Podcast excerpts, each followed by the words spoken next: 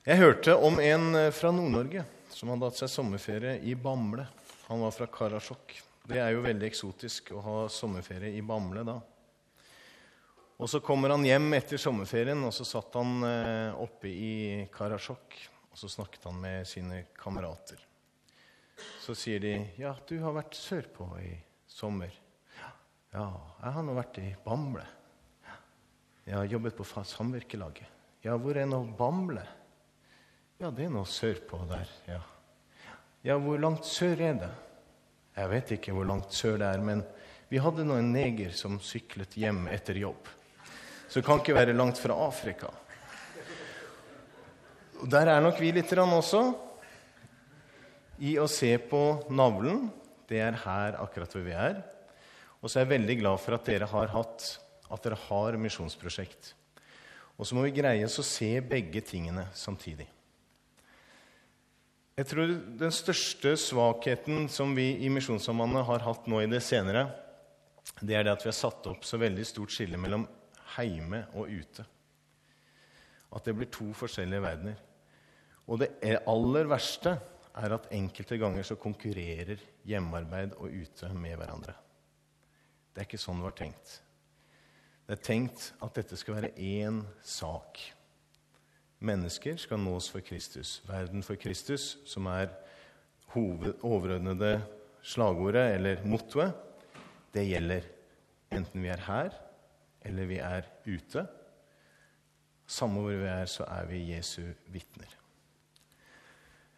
Skal vi se Bedehusets kondisjonalis. Det høres flott ut. Det er latin. Condition på engelsk, ikke sant? Tilstand. Kondisjonalis det kan bli et tyranni for oss på bedehusene her. F.eks. i spor.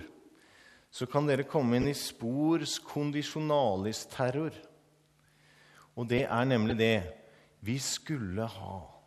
Vi skulle så gjerne ha. Hvis vi bare får på plass den og den taleren til å komme, hvis vi bare får til det og det opplegget, da begynner det. Hvis vi får til å få til et skikkelig løft her sånn, så vil vekkelsen komme. Og så vil folk komme i hopetall. Det har jeg hørt en annen kalle for bedehusets kondisjonalisterror. Og der kjenner jeg meg igjen.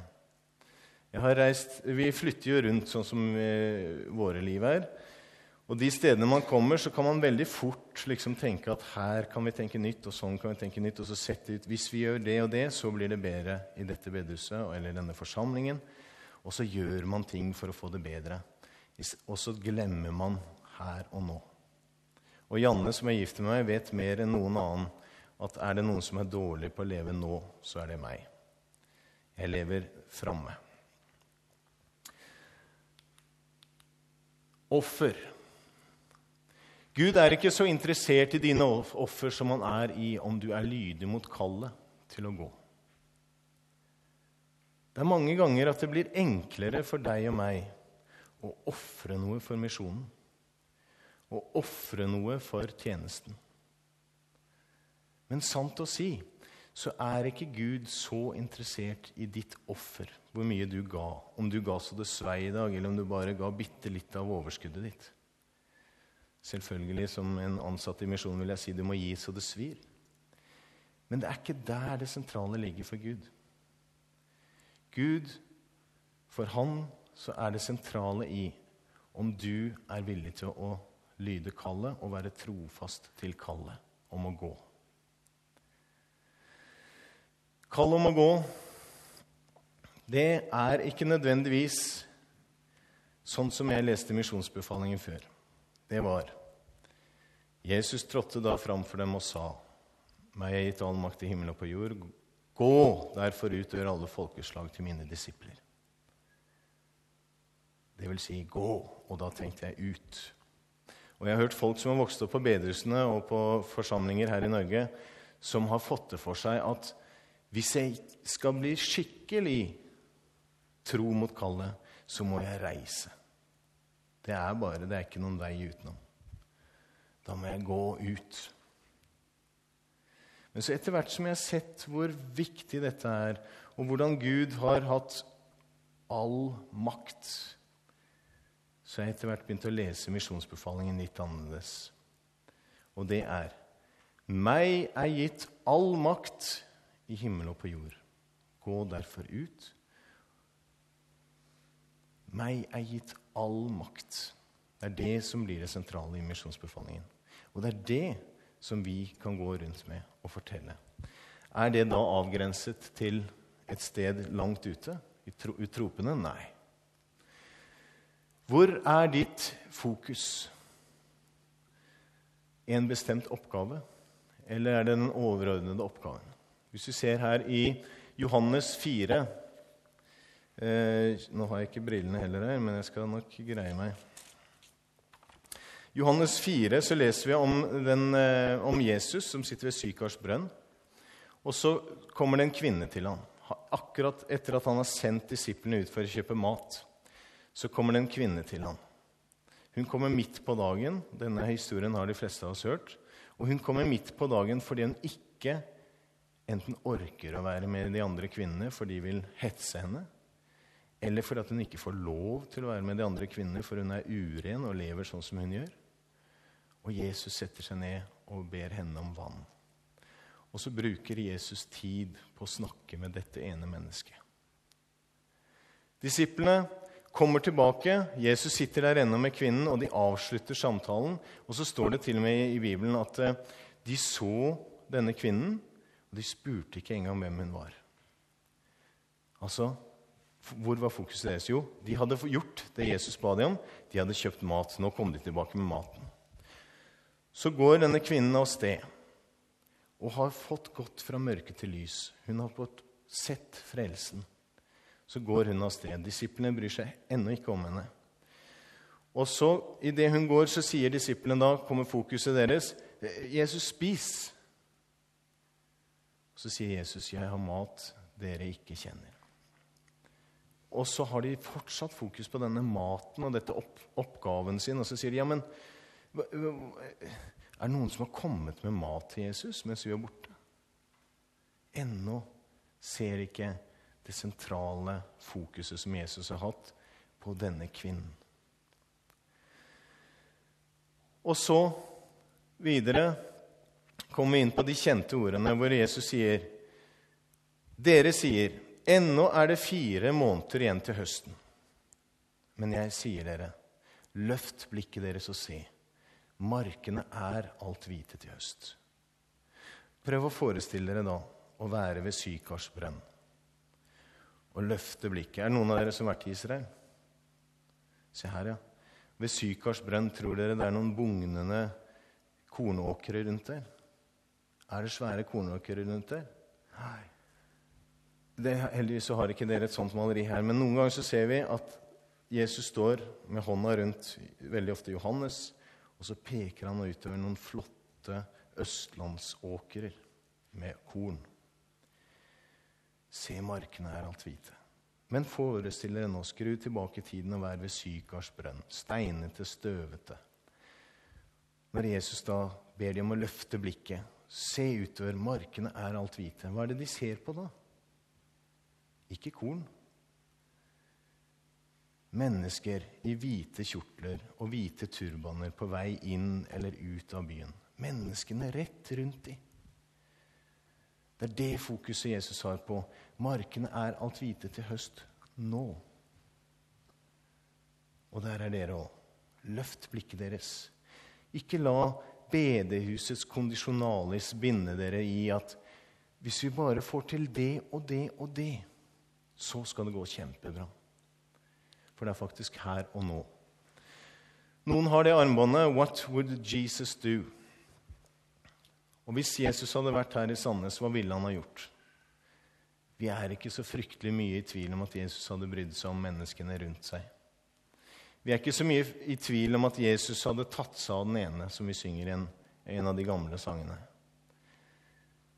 Og hva ville Jesus gjort? Er det bare egentlig noe vi har for å vite hva han ville gjort, og så gå videre med vårt? Eller er det for å kunne følge hans eksempel? Jesu eksempel med å ta seg av den ene.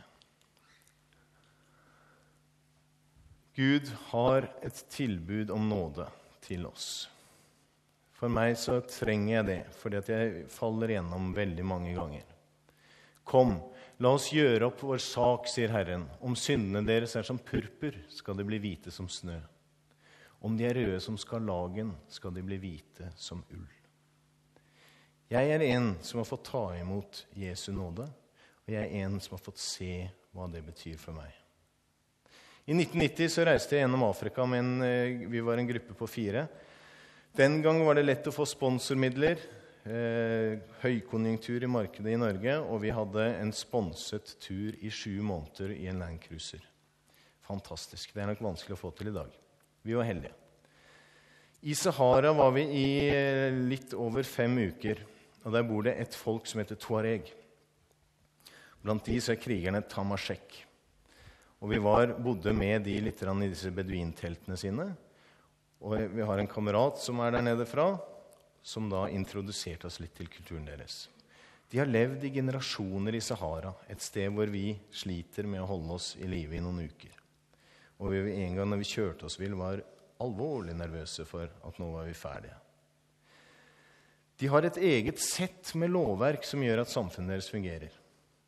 En av disse lovene er hvis du en gang kommer over vann, en vannkilde som gjerne er nede i steinete hull i en av fjellmassivene i Sahara Hvis du kommer over vann, men ikke sier dette til noen andre, så får du dødsstraff umiddelbart når det blir oppdaget. Hvorfor det? Fordi at du kanskje, gjennom å ikke å si fra at på det stedet så er det vann, så er noen dødd av tørst på vei til neste vannpunkt. Og vi har fått del i det levende vann. Vi har fått del i vannet i Jesus og i nåden og i frelsen. Og det er noe som vi skylder å dele med andre. Og Det skulle vært en brann i oss etter å gjøre det og få delt dette. Makrell på Svalberg. Det lå en gang to makreller på et svaberg utenfor Sørlandet. Solen steika, og så ligger de og snakker til hverandre. 'Å, du, det hadde vært deilig.' Og så svømme rundt i de kalde bølgene. Tenk å dykke djupt ned i en stim. Tenk så flott det hadde vært. Så ligger de der på svalberget. Vi skulle ha vært ute i sjøen. Vi skulle så absolutt ha svømt i en stim. Det hadde gjort at vi hadde hatt det flott.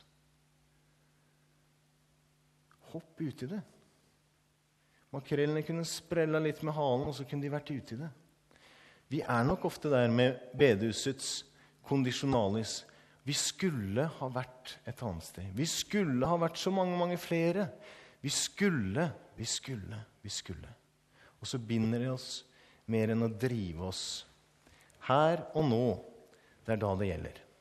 Det er for deg, og det er for meg her og nå.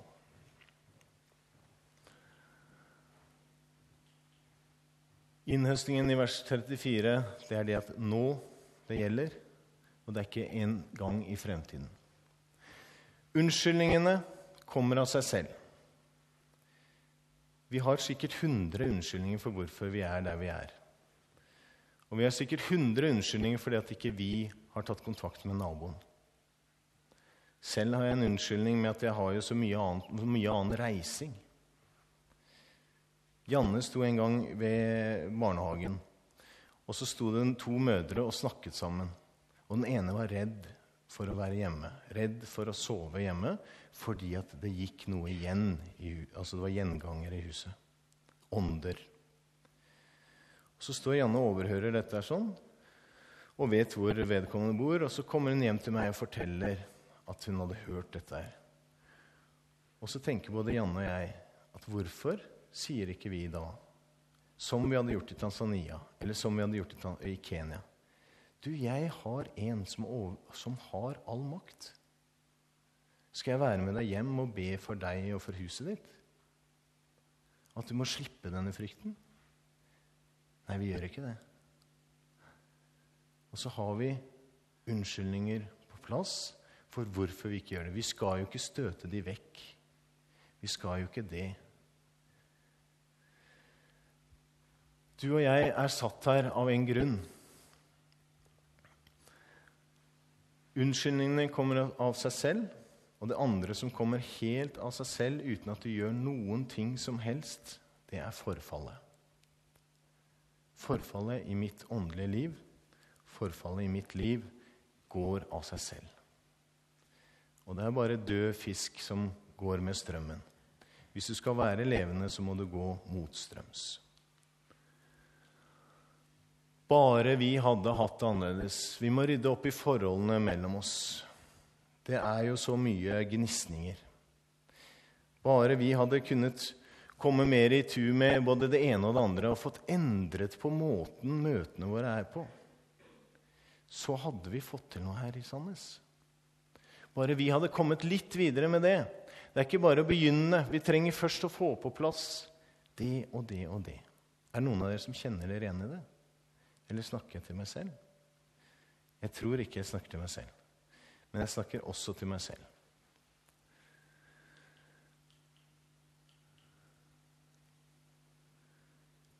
Hvor mange ganger har ikke jeg ligget søvnløs pga. jobben min? Søvnløs pga. en eller annen oppgave som jeg skulle ha gjort. Søvnløs fordi at det går litt trådere enn den jeg hadde tenkt. Og hvor uendelig sjeldent har ikke jeg ligget søvnløs for naboen. Rundt oss, tomter, bygden som vi bor i på Østlandet, så er det noen få kristne familier. Men alle naboene våre er ufrelste. Og hvor mye av min søvn har det tatt? Forferdelig lite. Hvor mye ser vi av naboene våre, og hvor mye ser vi av det Jesus ser, og det fokuset han har på menneskene. Da Jesus fikk bud fra sine venner om at Lasarus holdt på å dø, en god venn av ham, så skyndte han seg ikke av sted. Han kom seinere, og jeg ser for meg når han ble møtt, og de gråter Lasarus er allerede død. Hvorfor kom du så seint, Jesus?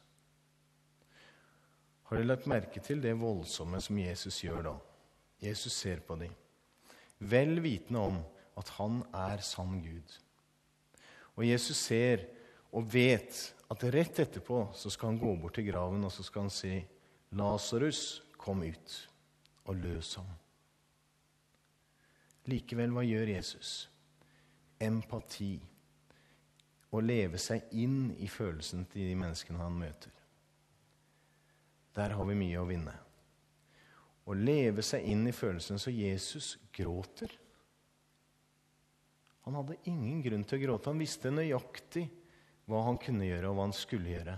Men han gråter fordi han møter de menneskene med de følelsene og det de kjenner på. Kjenn de du vil nå. Bli kjent med naboen din. Bli kjent med mannen i gata fordi at du er interessert i å vite hvem han er.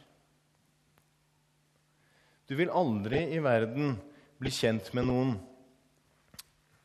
bare fordi at det er et evangeliseringsobjekt. Se menneskene der de er, ikke der du kunne ønske deg at de var.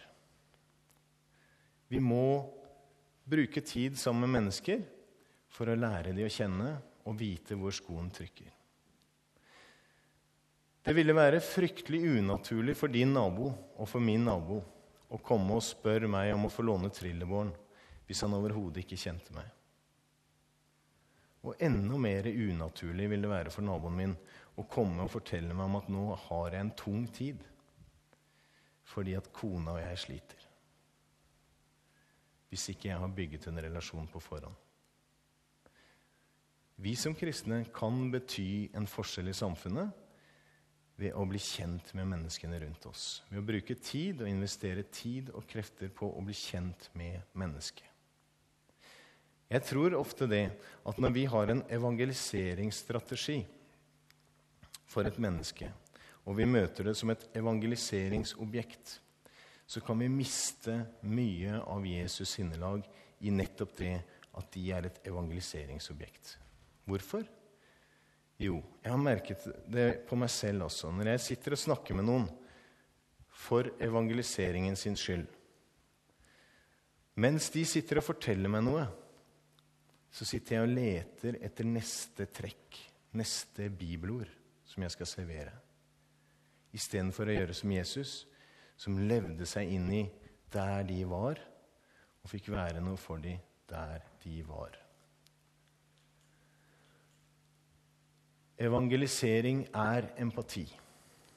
Det å kunne leve seg inn i hvordan andre mennesker har det, gjør at du vil ha en mulighet til å få et besøk av en nabo, eller å kunne bety noe for en nabo som har det tungt. Naboen din det er kanskje en sterk påstand, men jeg våger å fremme den her. Naboen din vil aldri banke på døren din fordi du går i misjonssalen. Det tror jeg ikke. Hvis naboen din skal banke på døren, så er det fordi at du har bygd en relasjon, og du har blitt en venn med naboen din, og han vet, eller hun vet, at du bryr deg, og du ønsker å høre hvordan han har det, eller hun har det.